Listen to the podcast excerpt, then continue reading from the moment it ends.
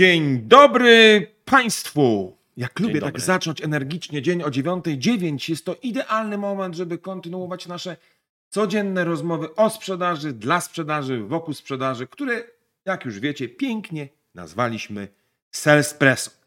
No oczywiście, e, e, jeszcze Państwo nie wiecie, kto tutaj siedzi, poza tym, że jest taki przystojny, fit, fit, fit człowiek, więc ja postaram się też być troszeczkę bardziej e, taki, wiecie, wyglądający. Zresztą nie wiem, czy wiesz, Michale, bo już e, zaraz powiem, kto to dokładnie jest, ale przychodzi taki okres w życiu mężczyzny, że trzeba postawić na urodę. Więc Tak, jakby myślę, prawda. że to jest do- dobry moment. Michał Wójcik jest gościem Dariusza Milczarka. Teraz, Michale, dlaczego Ciebie zaprosiłem na to, jakże e, mam nadzieję owocne e, gadanie? Otóż Michał Wójcik jest pierwszym niezależnym konsultantem, franczyzobiorcą w Polsce w metodyce Sandlera. No nie? To prawda, chociaż ja przez chwilę myślałem, że będziemy rozmawiać o jakiejś diecie, o sporcie, o fit. No, musisz, wiesz, to, wydaje mi się, że jednak e, tematy sprzedażowe no, na koniec dnia gdzieś zawsze dotykają tej, tej diety życia, prawda? Żebyśmy mogli żyć wygodnie, komfortowo, a także zdrowo, powinniśmy najpierw zarobić, prawda? To ma sens. No tak, to nie ukrywam, że mnie uspokoiłeś. E, tak, to będziemy rozmawiać dzisiaj o biznesie. No, będziemy rozmawiać o biznesie, a właściwie tak naprawdę o pewnym wycinku tego biznesu, jakim jest sprzedaż, bo o tym przecież rozmawiamy. No, ale żeby nie urywać tego czasu, którego i tak mamy mało, Tak. to powiem Ci, że chciałbym z Tobą porozmawiać dzisiaj e, o prospectingu jako takim. Miałem niedawno e, przyjemność dyskutować z, kolegem, z kolegą Grzegorzem Turniakiem, którego też znasz, czyli człowiekiem od networkingu z kolei. No i pomyślałem sobie, skoro networking właściwie to jest taki temat, który wkracza w świat budowania nowych relacji, które potem możesz kapitalizować, konsumować, rozwijać, finalizować i tak dalej. Zgadza się. No to znaczy, że jest częścią czegoś większego w pewnym sensie, co można by to, to większe coś nazwać prospectingiem. I to jest pierwsza moja myśl po spotkaniu z kolegą Turniakiem. Druga jest taka, że kolega Turniak, podobnie zresztą jak ja, e, będąc w tej Warszawce tutaj sied- siedzący mi, Mhm. jednak mamy w większości przypadków perspektywę dużych korporacji, dużych eventów, dużych spotkań, wiesz, wielkich struktur. A ty, drogi Michale, już od wielu, wielu lat działając na Śląsku, y, jednak pracujesz bardzo dużo jakościowo i ilościowo z mniejszym biznesem. Czyli z tą solą po prostu tego handlu w Polsce. I ja y, nie ukrywam, że to mnie też bardzo skłoniło do tego, żeby cię właśnie na tą rozmowę zaprosić. I już oddaję ci głos, bo żebym to nie było tak, że prowadzący tutaj w kółko gada. Powiedz mi na początek, jak ty oceniasz działania prospectingowe prowadzone przez ludzi handlu generalnie na bazie twojego doświadczenia? Teraz, na tym rynku, na którym pracujesz. Wyraź swoją opinię. Okej, Darek, dzięki za zaproszenie. E, Ja pamiętam swoje początki prospectingowe, jak sobie dzisiaj jechałem tutaj do, was, do, do waszego studia, to e, wyliczyłem, że to jest 30 lat. 30 lat temu dokładnie zacząłem prospecting. Zacząłem jako akwizytor, taki typowy, chodzący po ulicy. Pamiętam, jak zapisałem się do jednego z polsko-kanadyjskich joint venture i mieliśmy do sprzedaży takie półki, takie półki e, do łazienki. No i ten prospecting kojarzy mi się z tym, że zapakowałem e, pięć takich półek, żeby, żeby je sprzedać. I stwierdziłem, skoro 10 osób nie chce tych półek, to najprawdopodobniej trzeba zmienić miasto, region. Więc wsiadłem w pociąg, pojechałem do Myszkowa, mniejsza miejscowość pod Częstochową. Mówię, tutaj jest moje miejsce, tu będę robił prospecting. No niestety szybko się rozczarowałem, bo okazało się, że takich pomysłodawców, którzy będą szukać klientów na półki w Myszkowie, też jest sporo w Myszkowie. Także plan się nie powiódł. Ale Natomiast- miałeś dobre intencje, no to jest ważne, prawda? I przede wszystkim zacząłeś to robić. No Wiesz nie? co, miałem intencje i przede wszystkim ja chciałem to robić. Ja chciałem to robić. A później będę Wam opowiadał również o, o innych pomysłach, które mi pomogły w tym, że te półki w końcu sprzedałem. E, Natomiast odpowiadając na Twoje pytanie, jak to dzisiaj wygląda w tych MŚP? Prawdą jest, że mm, dla przedsiębiorców, nieważne czy oni są na Śląsku, na Dolnym Śląsku czy na północy, bo z takimi też miałem przyjemność pracować, to mam takie wrażenie, że dla przedsiębiorcy zysk nie jest ważny. No Jest najważniejszy. Okej. jest najważniejszy. A jak idziemy sobie y, takim nurtem biznesu, no to teraz jak osiągać zysk, nie robiąc prospectingu i nie szukając potencjalnych nowych klientów? To trochę jakbyśmy chcieli pojechać samochodem, który ma pełny bak, zakładając, że ta benzyna, czy ta ropa, czy ta energia nam nie znika z tego baku. No tak, no nie, no trzeba, trzeba tankować. Bo prędzej no, czy później trzeba tankować. No, tak, Więc jeśli pytasz o kondycję, to moim zdaniem, no Ale to znaczy, tak, tak... znaczy tak, że, to znaczy co? Masz, chcesz powiedzieć coś takiego, że z jednej strony chcą zarabiać, chcą być e, efektywni i przede wszystkim e, chcą, aby ich biznes był zyskowny, a jednocześnie nie podejmują działań prospektingowych, to chcesz powiedzieć?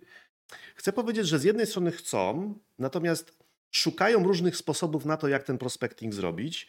Jedni robią to w sposób bardzo przemyślany, adekwatny do dzisiejszych czasów, a inni trochę robią to tak jak 20 bądź 30 lat temu, kiedy ja wysiadłem z pociągu w Myszkowie z tymi półkami. I, i powiem Wam, że y, chętnie się podzielę informacjami, co zrobić, żeby ten prospecting był efektywny. No dobra, ale zanim to powiesz, to ja trochę to muszę zrozumieć, bo teraz tak, generalnie myśmy tutaj wielokrotnie już nawet na forum tych naszych rozmów podejmowali mm, takie zagadnienie, które można nazwać bądź aktywny.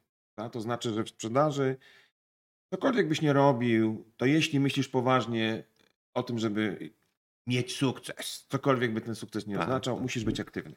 Ale co, to, czy, czy- to w związku z tym oznacza, że ludzie swojej, jakby tak trochę w twojej opinii, nie podejmują aktywności prospektingowych, bo Bardzo często nie podejmują, bo chorują na chorobę, którą nazwałem niechcicą. no, bo im się po prostu nie chce.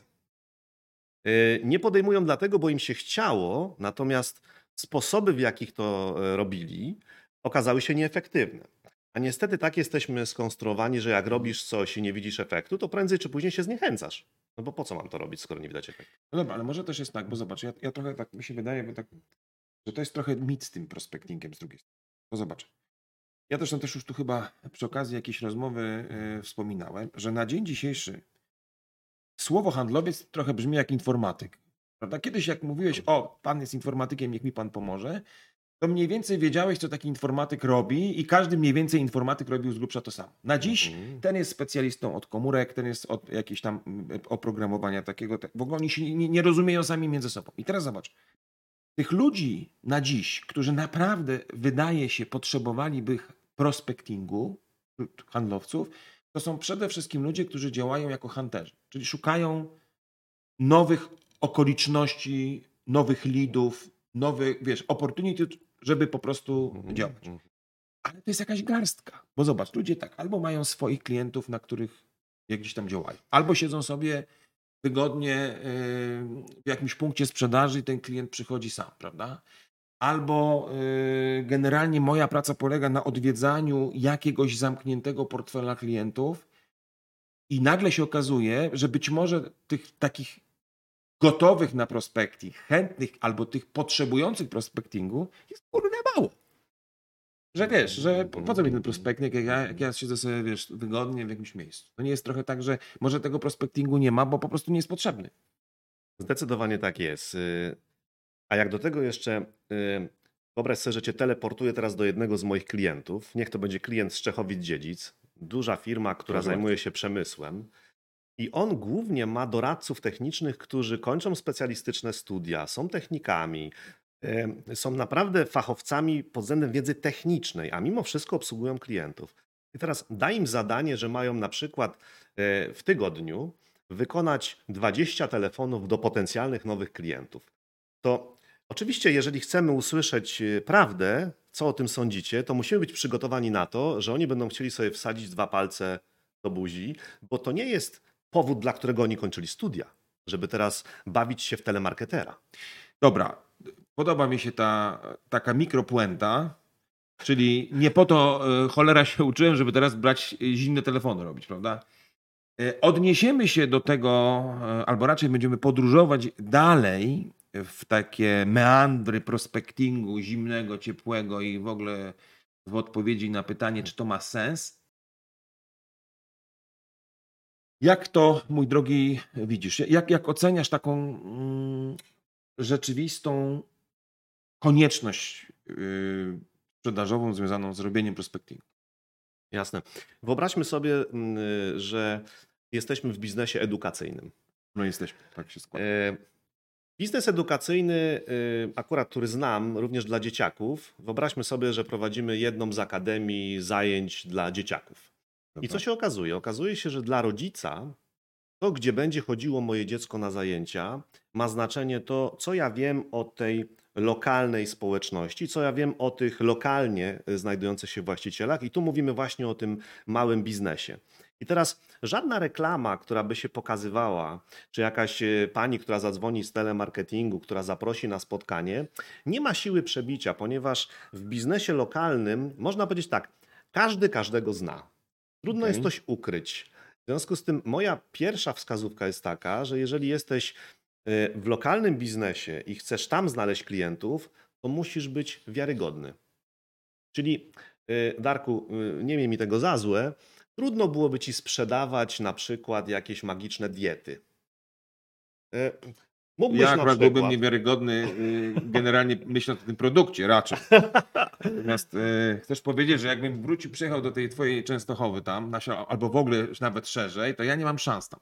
Nikt mnie nie zna, e, nie mam żadnych rekomendacji. Też tak, tak to więcej. Pe pewnie, pewnie tak? znalazłbyś kogoś, kto cię zna, no. kto cię wprowadzi. Natomiast chodzi mi o pewną wiarygodność, czyli jeżeli sprzedajesz pewne rozwiązania, to musisz mieć jakieś plecy w cudzysłowie, które świadczą o tym, że ty jesteś wiarygodny w tej dziedzinie. Innymi słowy, jesteś ekspertem od biznesu i za tobą stoją lata doświadczeń. A ja się spotykam często z tym, że za prospecting biorą się osoby, które zostały w cudzysłowie wynajęte i to są jak dla mnie przebierańcy.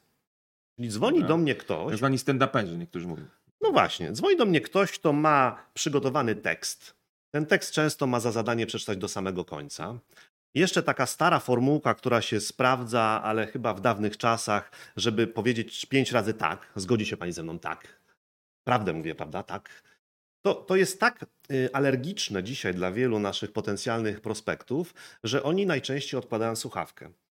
I mam takie wrażenie, że jeżeli chcemy zaistnieć w prospectingu, od tego bym zaczął, to ja muszę mieć coś wartościowego do przekazania e, tym moim potencjalnym klientom i muszę mieć dopasowany produkt do moich talentów i do mojej wiedzy. Przykładowo, jeżeli chcę sprzedawać swoje usługi dietetyczne, to wyobrażam sobie, że pani dietetyk będzie zdrowo wyglądać. Jeżeli chcę sprzedawać propozycje e, na przykład samochodów luksusowych, to ja muszę mieć wiedzę na temat tych samochodów i muszę być wiarygodny w tym, co robię. Może powinienem nawet mieć samochód luksusowy. Być może, tak. E, chyba najgorsza rzecz, z jaką mogę się spotkać, i to się, to się, to się dzieje i w biznesie edukacyjnym, i kawiarnianym, i w biznesie luksusowych lamp. E, muszę być wiarygodny. I tu bym postawił taką kropkę. Co ty o tym sądzisz? Czy to się no z tym tak, zgadzasz? Nie, wiarygodność z całą pewnością yy, jest chyba taką wartością absolutnie ponadczasową i nadrzędną, bo ta wiarygodność niesie za sobą pewną obietnicę, że to, czego to, to mówię, że dostarczę, to dostarczę, prawda? I że, i, a to długoterminowo jest najlepszy prospecting, prawda? Czyli, że ja mam te rekomendacje, które same do mnie zaczynają spływać, bo ja po prostu umiem zadbać o mój wizerunek, jestem długoterminowo wiarygodny, czyli to nie jest tylko obietnica, tylko mogę Cię zapytać, Panie Wójcik, czy Pan Milczarek to tak naprawdę dowozi, czy tylko 50%? Ja zawsze mówię, że 50% mhm. to jest takie nieźle. Tak? No dobrze, ale to poczekaj. Ja rozumiem, ale czy to by oznaczało, że, że mm, właściwie to z perspektywy takiego, powiedzmy, no niech będzie takiego MSP, MŚP, tak, takiego segmentu, sprawdza się wyłącznie y, rekomendacja, czy to jest tak, że to w związku z tym oznacza, że w zasadzie jedną rzeczą, którą powinienem sensownie robić, szukając prospectingu, to jest, nie wiem, szukać tych poleceń u moich klientów, zostawiać ślad w ich głowie, że ja robię dobre rzeczy i szukać tak naprawdę tam lidów? Jak to widzisz? Wiesz co, jest coś w tym ciekawego, że jeżeli obsłużysz dobrze klienta, to poproszenie o rekomendację jest tylko pewną formalnością. Natomiast znaczy, jeżeli... wydaje, wydaje mi się. Znaczy wydaje mi się, jestem pewny, to jest, to jest stuprocentowa teza, że to jest oczywiste, ale rzadko realizowalne. No właśnie, tylko jeżeli ja dobrze obsłużyłem, załóżmy, klienta, który kupuje u mnie samochód luksusowy. I teraz na koniec tego całego procesu pytam, jak pan ocenia tą moją obsługę? Załóżmy w skali od 0 do 10. I pada odpowiedź, panie Michale, 8. Gdyby nie to, że musiałem trochę dłużej poczekać, no ale ta sytuacja jest dzisiaj powszechna, to byłaby dycha. Mhm. To co stoi na przeszkodzie, żebym zadał takie pytanie? Drogi kliencie, to w takim razie, skoro tak wysoko oceniasz moją obsługę, czy jest coś, co mogłoby stanąć na przeszkodzie, żebyś polecił mnie na przykład któremuś ze swoich znajomych, który też dzisiaj rozważa zakup takiego samochodu? I teraz, jeżeli ktoś tego nie robi, to znaczy, że ma jakieś być może złe doświadczenie albo o tym nie pamięta. No bo powodów może być tu No tak, ale może to jest właśnie, no, no, możemy zaraz o tych powodach nad nimi się trochę mm, popastwić, tak? bo to jest ważne, ale może jednym z głównych powodów jest to, że ja nie potrzebuję prospectingu. To znaczy, jest mi dobrze, tych klientów znowu ciągle przybywa, sami się jakoś pojawiają. Jest nieźle, no. Może to, to jest niepotrzebne. Przypominam sobie taki warsztat, który prowadziłem w grudniu dla jednej z firm, też w branży technicznej, i tam bardzo zależało menadżerowi, żebyśmy poruszyli kwestie takich trudnych case study. Czyli takich klientów, którzy są dla nich ważni, oni wokół nich chodzą, natomiast z jakiegoś powodu nie dochodzi do kolejnych kroków. Mhm. I powiem Ci, że to, co najbardziej mnie zaskoczyło, to to, że ja widziałem, że poruszając inne tematy, oni byli zaciekawieni. Natomiast kiedy zeszliśmy do tych case'ów, Mhm.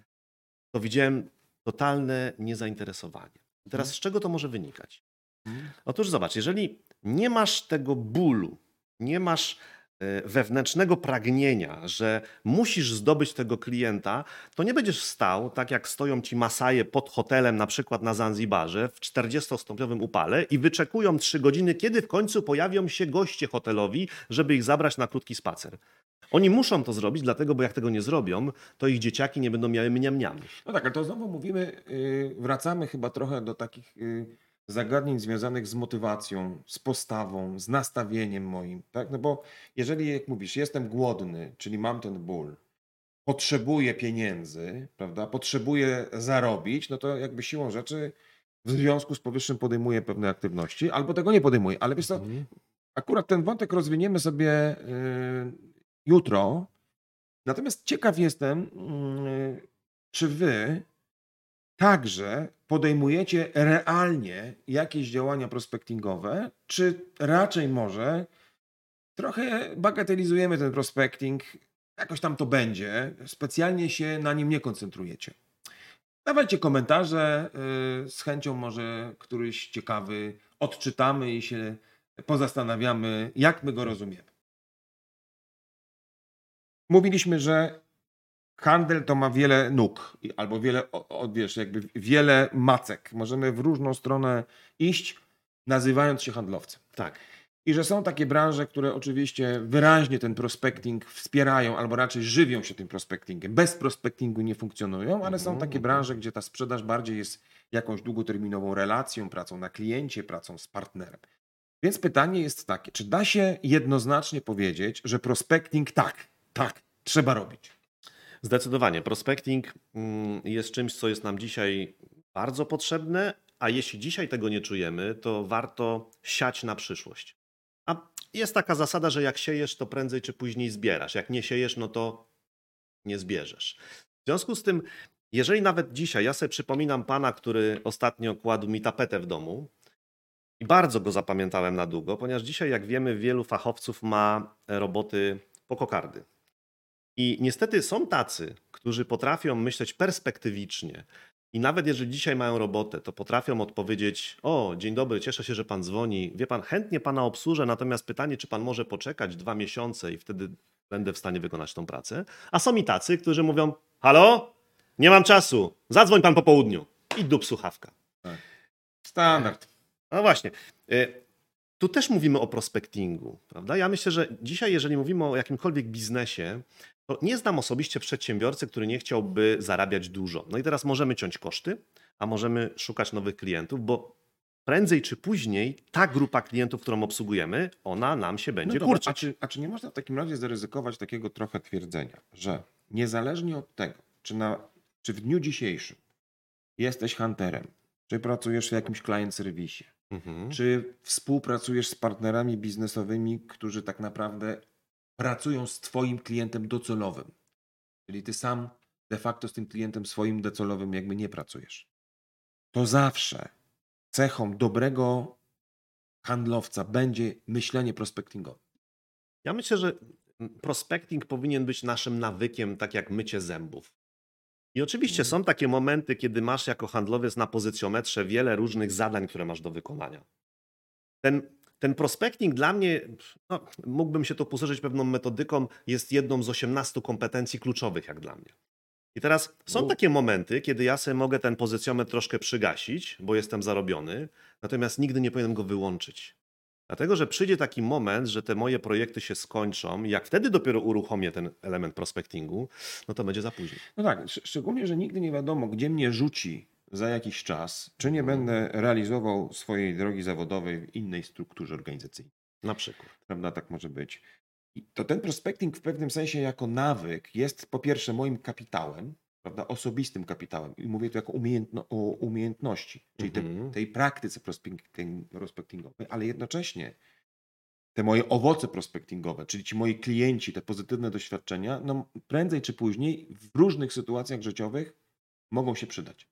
Ale też jest to chyba taki dobry yy, wskaźnik tego, czy ty jako handlowiec, nieważne gdzie jesteś, masz na radarze cały czas nowy biznes. No, czy masz tę, tą, my to mówiliśmy y, z Krzysiem Rzepkowskim, żeśmy rozmawiali, że taką cechą, która trochę wyróżnia dobrego handlowca jest ta krew na zębach, prawda? Że on cały czas gdzieś szuka okazji.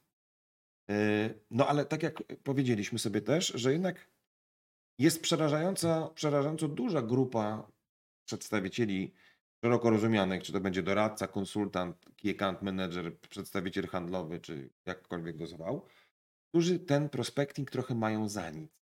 To znaczy jakby może by i chcieli, ale z różnych powodów tego nie robią.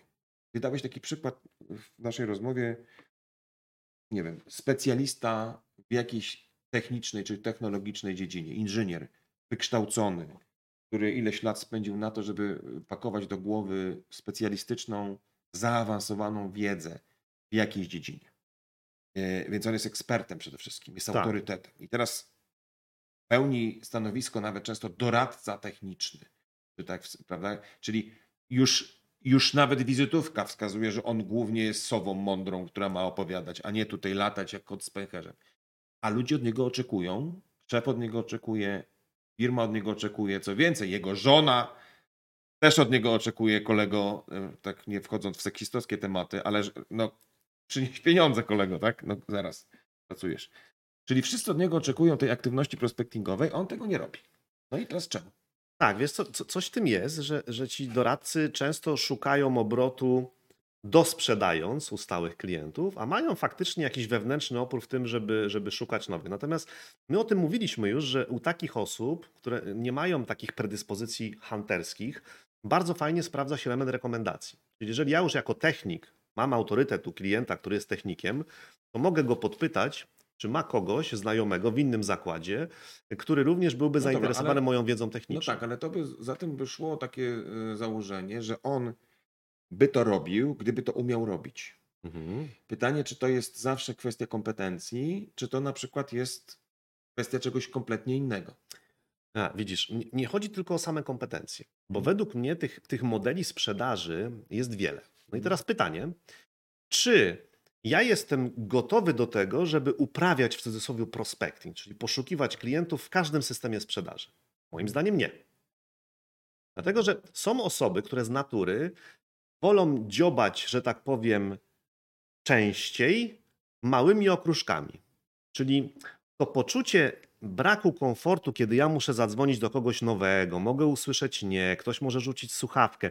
Ono jest dla mnie opłacalne, bo ja za chwilę usłyszę tak i wtedy będzie mi się znowu chciało. Natomiast zauważyłem, że są osoby, które na przykład, jeżeli mają robić prospecting w długich procesach sprzedaży, gdzie ta odległość od momentu pierwszych kontaktów do finalizacji jest długa, to tutaj spotkałem się z tym, że część osób nie ma tej cierpliwości i po jakimś czasie się wypala, zniechęca, bo nie mają namacalnych sukcesów, że coś pozyskali. No tak, tak, odroczenie gratyfikacji w ogóle jest psychologicznie trudnym e, takim, bym powiedział, chcę powiedzieć, cierpieniem, prawda? No bo jeżeli, to, dzie- to dobrze widać po, po zachowaniach dzieci. No, dzieci muszą mieć No. natychmiast to, prawda? I to jest jedna z takich ważnych zadań rodziców, żeby trochę nauczyć dzieci tego, że po prostu to za chwilę przyjdzie. Myśmy też rozmawiając tam przy okazji z którymś gościem na temat sprzedaży, powiedzieli, że cierpliwość jako pewien nawyk też jest rzeczą bardzo ważną, bo, bo musisz pamiętać, że ten efekt nie zawsze jest od razu. Ale to dalej E, nie wiem, czy dobrze odpowiada na pytanie, czemu ludzie tego prospectingu tak do końca nie robią i czemu wolą robić co innego.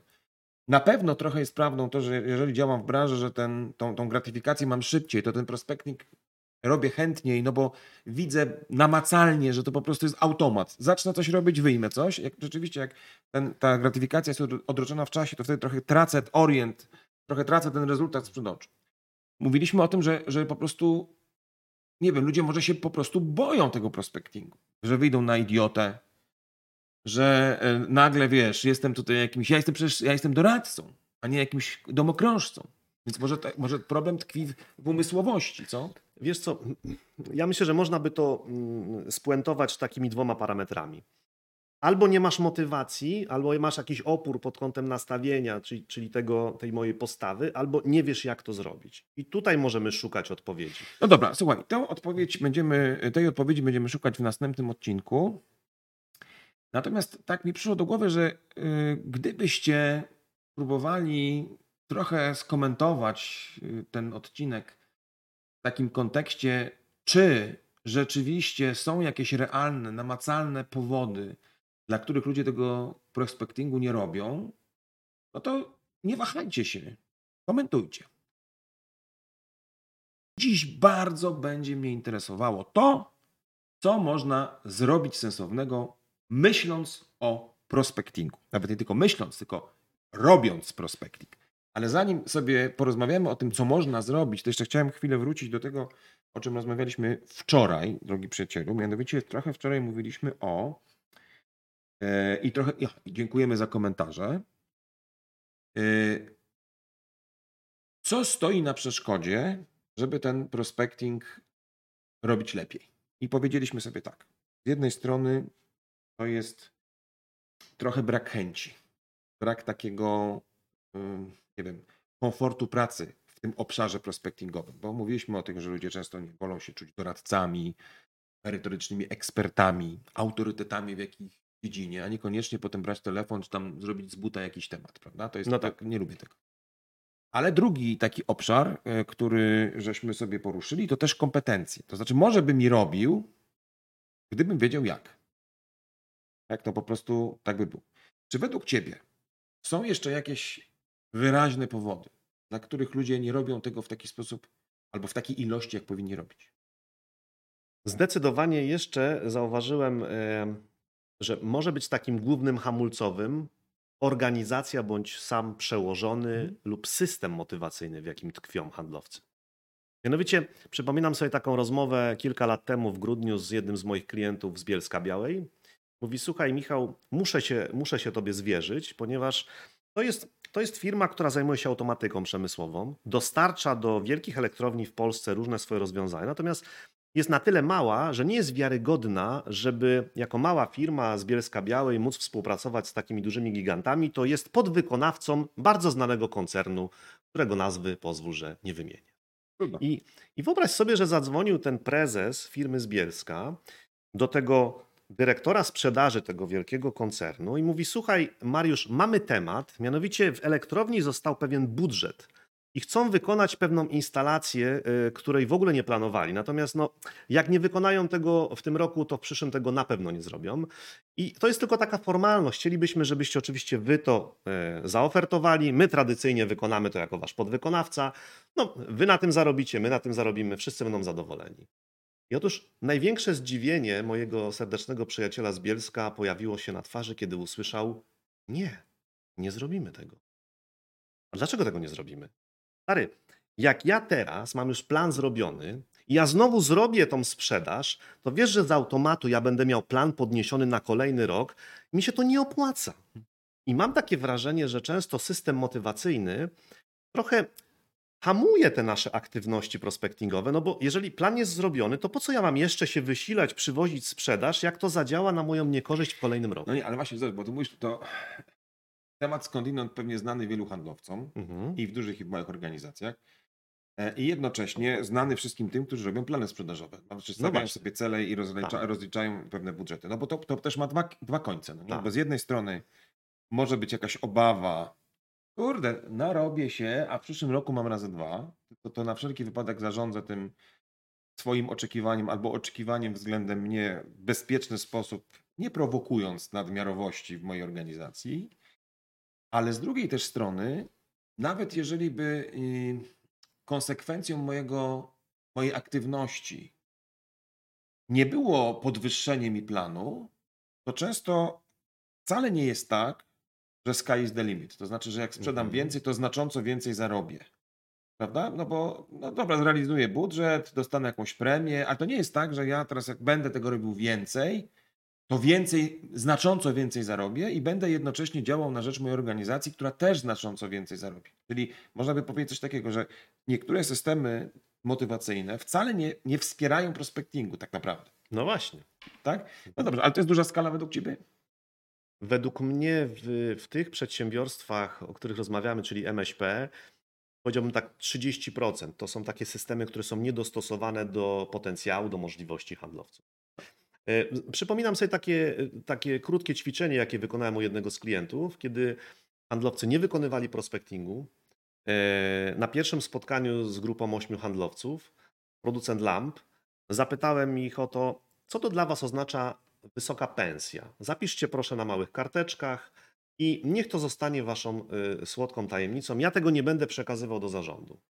Okazało się, że ta wysoka pensja w małej grupie ośmioosobowej u jednego pracodawcy to były kwoty, które wahały się i tu ciekawostka, jak myślisz, od ilu? Nie wiem, od 5 tysięcy. Od 4 do 15. No i teraz tak, możliwość zarobienia pieniędzy przez tych handlowców nie wynosiła 15 tysięcy. Oni mogli zarobić nawet 20. Tylko jeżeli handlowiec nie ma takiej potrzeby, żeby zarabiać 8-10, to on sam od siebie nie ma potrzeby wykonywać dodatkowych działań Tak, ale, to, ale to właśnie mówiliśmy trochę o tym, że pewnie taka, nie chcę powiedzieć rządza pieniądza, to jest dobre słowo, Mhm. prawda? Ale jednak jakiś we mnie wewnętrzny motywator, który mnie ciągnie w stronę pieniędzy? Że ja tam, nie wiem, je gromadzę, wydaję, konsumuję, inwestuję, nie wiem, dbam o rodzinę w większym stopniu niż to może inni dbają, albo chcę Tak. mieć więcej, jest absolutnie skorelowane z moją efektywnością sprzedażową. Czyli krótko mówiąc, jak jestem minimalistą, a często po prostu jestem, bo nie ma e, tych handlowców tylu, e, ile by się chciało, często dobrych handlowców zmotywowanych, więc tak naprawdę często tym handlowcem trochę zostaje osoba, czasem może przypadkowa, ale jednak, ale jednak może nie do końca predysponowana do tego, żeby tym handlowcem być od razu i ma takie właśnie minimum, prawda? Ale to wtedy, zobacz, to wtedy ten system motywacyjny yy, ma tutaj kolosalne znaczenie, bo ja trochę tą motywacją jednak mogę posterować, prawda? Pokazując różne cele do zrealizowania, prawda? Yy, No, w tym przypadku taka, taka elastyczność albo taka prowizyjność systemu wcale by nie była, jak się okazuje, yy, najlepszym rozwiązaniem. Najgorszym rozwiązaniem w tym układzie byłoby danie pensji stałej, która mm, no, nie będzie pobudzała tych, którzy faktycznie nie mają tych większych A może ma to sens wtedy, kiedy dasz tylko pensję stałą, ale na wiesz, no, tym poziomie oczekiwanym, ale w zamian za tą pensję oczekujesz pewnych sensownych rezultatów. A jeśli ich nie wykonasz, to wtedy to zmienimy na przykład w kolejnym roku. Jeżeli to będzie możliwe i jeżeli utrzymamy w związku z tym dobrego handlowcę, handlowca, no to to może mieć oczywiście jakiś sens, prawda? Yy, Okej. Ja myślę sobie, jest jeszcze jedna rzecz ważna, tak, tak trochę jak sobie rozmawiamy o tych systemach wynagrodzeniowych, czy też motywacyjnych szerzej. Ja też bardzo często widzę taką sytuację, w której ludzie na przykład rozliczani są z jakiejś total sprzedaży, czyli ich system motywacyjny jest związany z, nie wiem, z marżą, z, z poziomem sprzedaży, obojętnie, ale firma w danym momencie ma oczekiwanie na przykład koncentracji na nowych klientach albo na jakimś produkcie. I z jednej strony mój system mówi mi, co ja mam robić, żeby zarabiać pieniądze, a z drugiej strony firma mówi, ale weź trochę skręć w lewo. Ale come on, jak w lewo? Za lewo mi nie płacisz, płacisz mi za prosto, prawda? Czyli, że jest roz, rozjazd, powiedziałbym, związanych z pewnymi priorytetami, czyli inaczej trochę postrzega ten najważniejszy priorytet pracownik, czyli handlowiec, a trochę czego innego chce firma. Ale wrócimy sobie do tego y, w trakcie naszej kolejnej rozmowy, czyli jeszcze podsumujemy sobie wątek tych wynagrodzeń. Y, Ja bym tylko jeszcze chciał y, Cię zapytać, czy jesteś w stanie tak procentowo, jak patrzysz na tych wszystkich y, ludzi, powiedzmy, którzy nie podejmują tego trudu prospektingowego w należyty sposób, i mielibyśmy sobie takie trzy kryteria. Firma z całym tym systemem, z szefem włącznie, nie umiem, czy też nie chcę, to byłbyś w stanie procentowo szybko przypisać poszczególne. Jasne. Śmiało na podstawie klientów, z którymi pracuję w ostatnich dwóch, trzech latach, mogę powiedzieć, że 20-30% handlowców wykonuje to jako codzienną czynność, jako coś naturalnego. Czy to są ci pozytywnie nakręceni prospectingowo? Tak, natomiast mamy też y, zdecydowanie nad czym się pochylić i teraz mm, poszukać powodów, ewentualnie pokać, pokazać narzędzia, jak e, możesz ten prospecting Ja wiem, ale dobrze. rozbudzić. Firma, problemy z, z, systemem motywacyjnym. Trzy- 40% y, kompetencje, 30% motywacja, Postawił, 40%. tak, myślę, że postawiłbym na, na tą motywację jednak. Y, To, tutaj jest y, ten brak y, pożądania, brak pragnienia, myślę, że jest kluczowy. To się zastanawiam, czy rzeczywiście doliczyłem do 100. Chyba nie. Dobra, nieważne. Słuchajcie. Na koniec dnia nie chodzi o liczby, chociaż w sprzedaży właściwie chodzi, ale tak naprawdę chodzi o to, żebyśmy dotknęli sedna. Dobra. Ostatnie e, dni rozmawiamy o prospectingu i tak trochę żeśmy sobie myśleli w kontekście, czy rozmawiali o tym, no, czy jest potrzebny, czy jest ważny, kiedy jest ważny. Wczoraj mówiliśmy y, o tym, jakie są powody tego, że ludzie nie są do końca takim super przykładem bycia dobrym prospectingowcem. E, I chyba chciałbym z Tobą dzisiaj porozmawiać o pomysłach prospectingowych. No, no bo jeżeli mówimy, że to jest jednak ważne, nawet jeżeli nie pracujemy w firmie, która zajmuje się stricte han- handlem, znaczy huntingiem, takim poszukiwaniem nowych klientów, ale chcemy budować pewien nawyk, no to ten nawyk budujmy. Ty wspominałeś, że u Was tam lokalnie kluczem jest rekomendacja i reputacja, prawda? No bo to są te Tak. dwie rzeczy, które idą razem i że bardzo trudno jest ludziom szukać y, nowych klientów, y, oferować rozwiązania, prezentować się, jeżeli nie mają tej, tej rekomendacji jakoś na plecach. To znaczy, jeżeli rzeczywiście za nimi nie idzie jakieś przyrzeczenie, ktoś to potwierdza i tak dalej. No, to nie jest łatwe, chociaż wydawałoby się, że takie szukanie rekomendacji jest najprostszy sposób, no bo masz tych klientów, z którymi możesz gadać. No ale ludzie tego nie zawsze robią. Trudno, ale na pewno jest to jakiś temat. Co jeszcze powiedz? Ja bym zaczął od, y, od tego, że trzeba zrobić dobrą listę. Znaczy, jak ja chcę poszukiwać, y, bo tego dotyczy prospecting, to ja muszę wiedzieć, kogo ja chcę znaleźć, Mhm. gdzie ja chcę tych ludzi znaleźć i w jaki sposób będę ich szukał. Czyli podstawą plan. jest dobra lista, plan. Mhm. E, Jak już mam plan, czyli wiem dokładnie, że moimi potencjalnymi klientami to jest i ustawiłem sobie profil, kto mnie najbardziej interesuje, to wtedy mogę zastanowić się, gdzie ja ich mogę znaleźć. I ja uważam, że dzisiaj mamy złote czasy dla prospectingu. Dlatego, że jak sobie e, patrzę na te swoje 30 lat aktywności sprzedażowej, to nigdy wcześniej nie mieliśmy tak dużych możliwości form dotarcia do klienta. Mhm. No bo zobacz, ja mogę przecież tych klientów szukać poprzez bezpośredni kontakt, czyli rekomendacje. Mogę szukać tych klientów poprzez y, na przykład y, LinkedIna. Mogę szukać tych klientów poprzez zamieszczanie postów na Facebooku czy na innych mediach społecznościowych. Mogę zamieszczać reklamy, y, które będą y, oparte o digital marketing, czyli gdzieś tam łapać tych potencjalnych y, suspektów. Mogę robić wydarzenia, mogę zrobić konferencje. Potencjał jest na formy na tyle szeroki, No, ale że bo- każdy powinien znaleźć No coś dla siebie. Poczekaj, no ale ty mówisz, mogę zrobić konferencję. Okej, ty może możesz zrobić konferencję, jako że zajmujesz się edukacją, mówieniem, Mhm. inspirowaniem, ale teraz jeżeli ja sobie, nie wiem, biorę za taki przykład człowieka, który, nie wiem, działa na jakimś rynku lokalnym, sprzedając jakiś czy gorszy produkt, czy nawet jakieś rozwiązanie, to przepraszam, gdzie on będzie robił to? Komu ma zaoferować konferencję? Jak on nie czuje się jeszcze na dodatek mówcą na przykład, prawda? To, to, to jak on ma z tego korzystać? Wiesz co, ja mam taką zasadę, że jak jesteśmy w dupie, to popracujmy w grupie.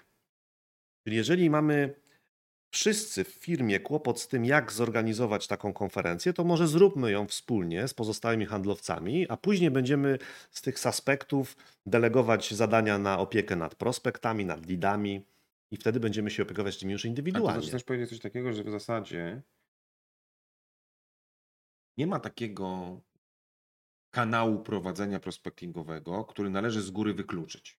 Tak? To znaczy, mogę nie być liderem, nigdy tego nie robiłem, nigdy nie przemawiałem, nigdy nie organizowałem konferencji, ale to nie jest powód, dla którego nie miałbym myśleć, że ja się też do tego nadaję, albo że my jako grupa się do tego nadajemy.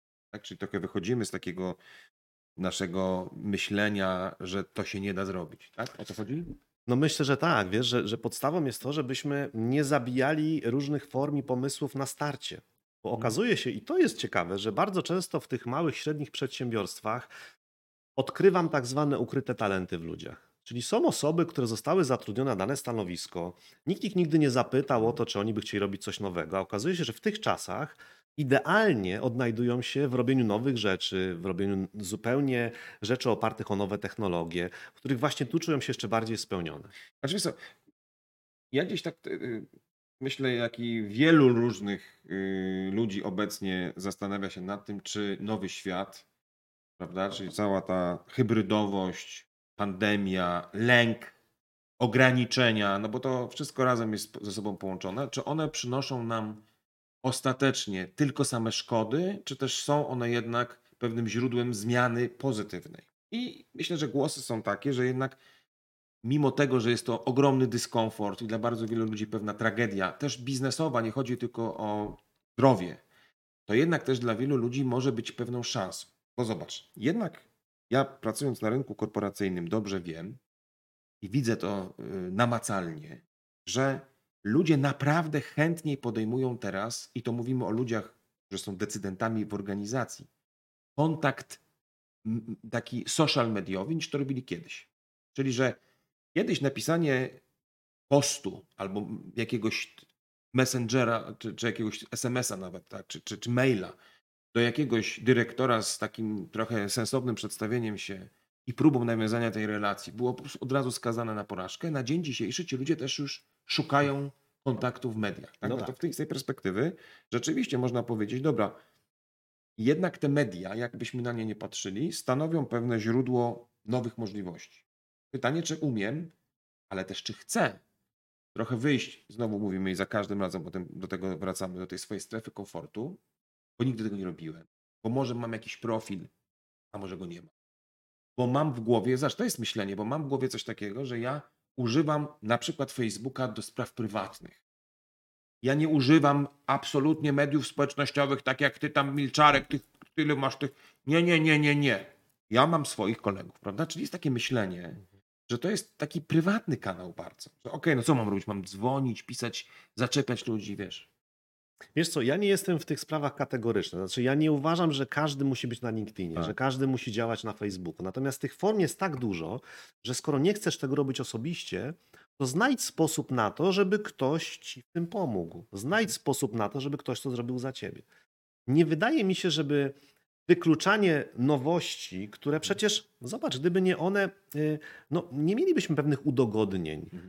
Jednak zdecydowanie dzisiaj pewne rzeczy możesz zrobić szybciej, sprawniej. I jak powiedziałeś, że na tych nowych y, okolicznościach są osoby, które tracą i są osoby, które korzystają, to zdecydowanie powodów i początków tego szukałbym w nastawieniu. Nastawieniu na otwartość, otwartość na nowe. Bo no co mi szkodzi, żeby spróbować? Zobacz, w dzieciakach ta otwartość na nowe jest naturalna. Tak. My zaczynamy z wiekiem szukać coraz więcej ograniczeń niż możliwości. Y, Wydaje mi się, że po, po tych projektach, które realizuję, że jeżeli pokażesz ludziom, czasami też krok po kroku, tu podam Ci jeden bardzo prosty przykład. Miałem przykład y, projektu w firmie z technik zamocowań, gdzie część handlowców bardzo sceptycznie podchodziła do umawiania się z klientami na Zoomach, na Teamsach. I bardzo dobrym przykładem jest tam sam prezes, który powiedział na spotkaniu ogólnym: Słuchajcie, ja też miałem z tym kłopot. I wielu moich klientów nie chciało się przestawić z tych spotkań on-side'owych na takie spotkania na Zoomie. Wiecie, co zacząłem robić? Że zacząłem do nich dzwonić e, na e, FaceTime. I to była dla nich taka ciekawostka, że ja dzwonię na FaceTime powiedziałem, o cześć, wiesz co, chciałem sprawdzić w ogóle jak to działa, wiesz, o fajnie, że się widzimy. Słuchaj, wiesz co, ta jakość taka mogłaby być lepsza, słuchaj, to może umówmy się na spotkanie, wiesz co, na Zoomie, wtedy będzie ta jakość lepsza. To przełamywanie barier i pokazywanie, że coś, co jest obce, dziwne, może być czymś naturalnym, staje się, e, jak się okazuje, dobrym przykładem dla nich. I tym optymistycznym akcentem na dziś zaparkujemy temat i już nie mogę się doczekać jutrzejszego spotkania z Tobą. Dzięki, do zobaczenia.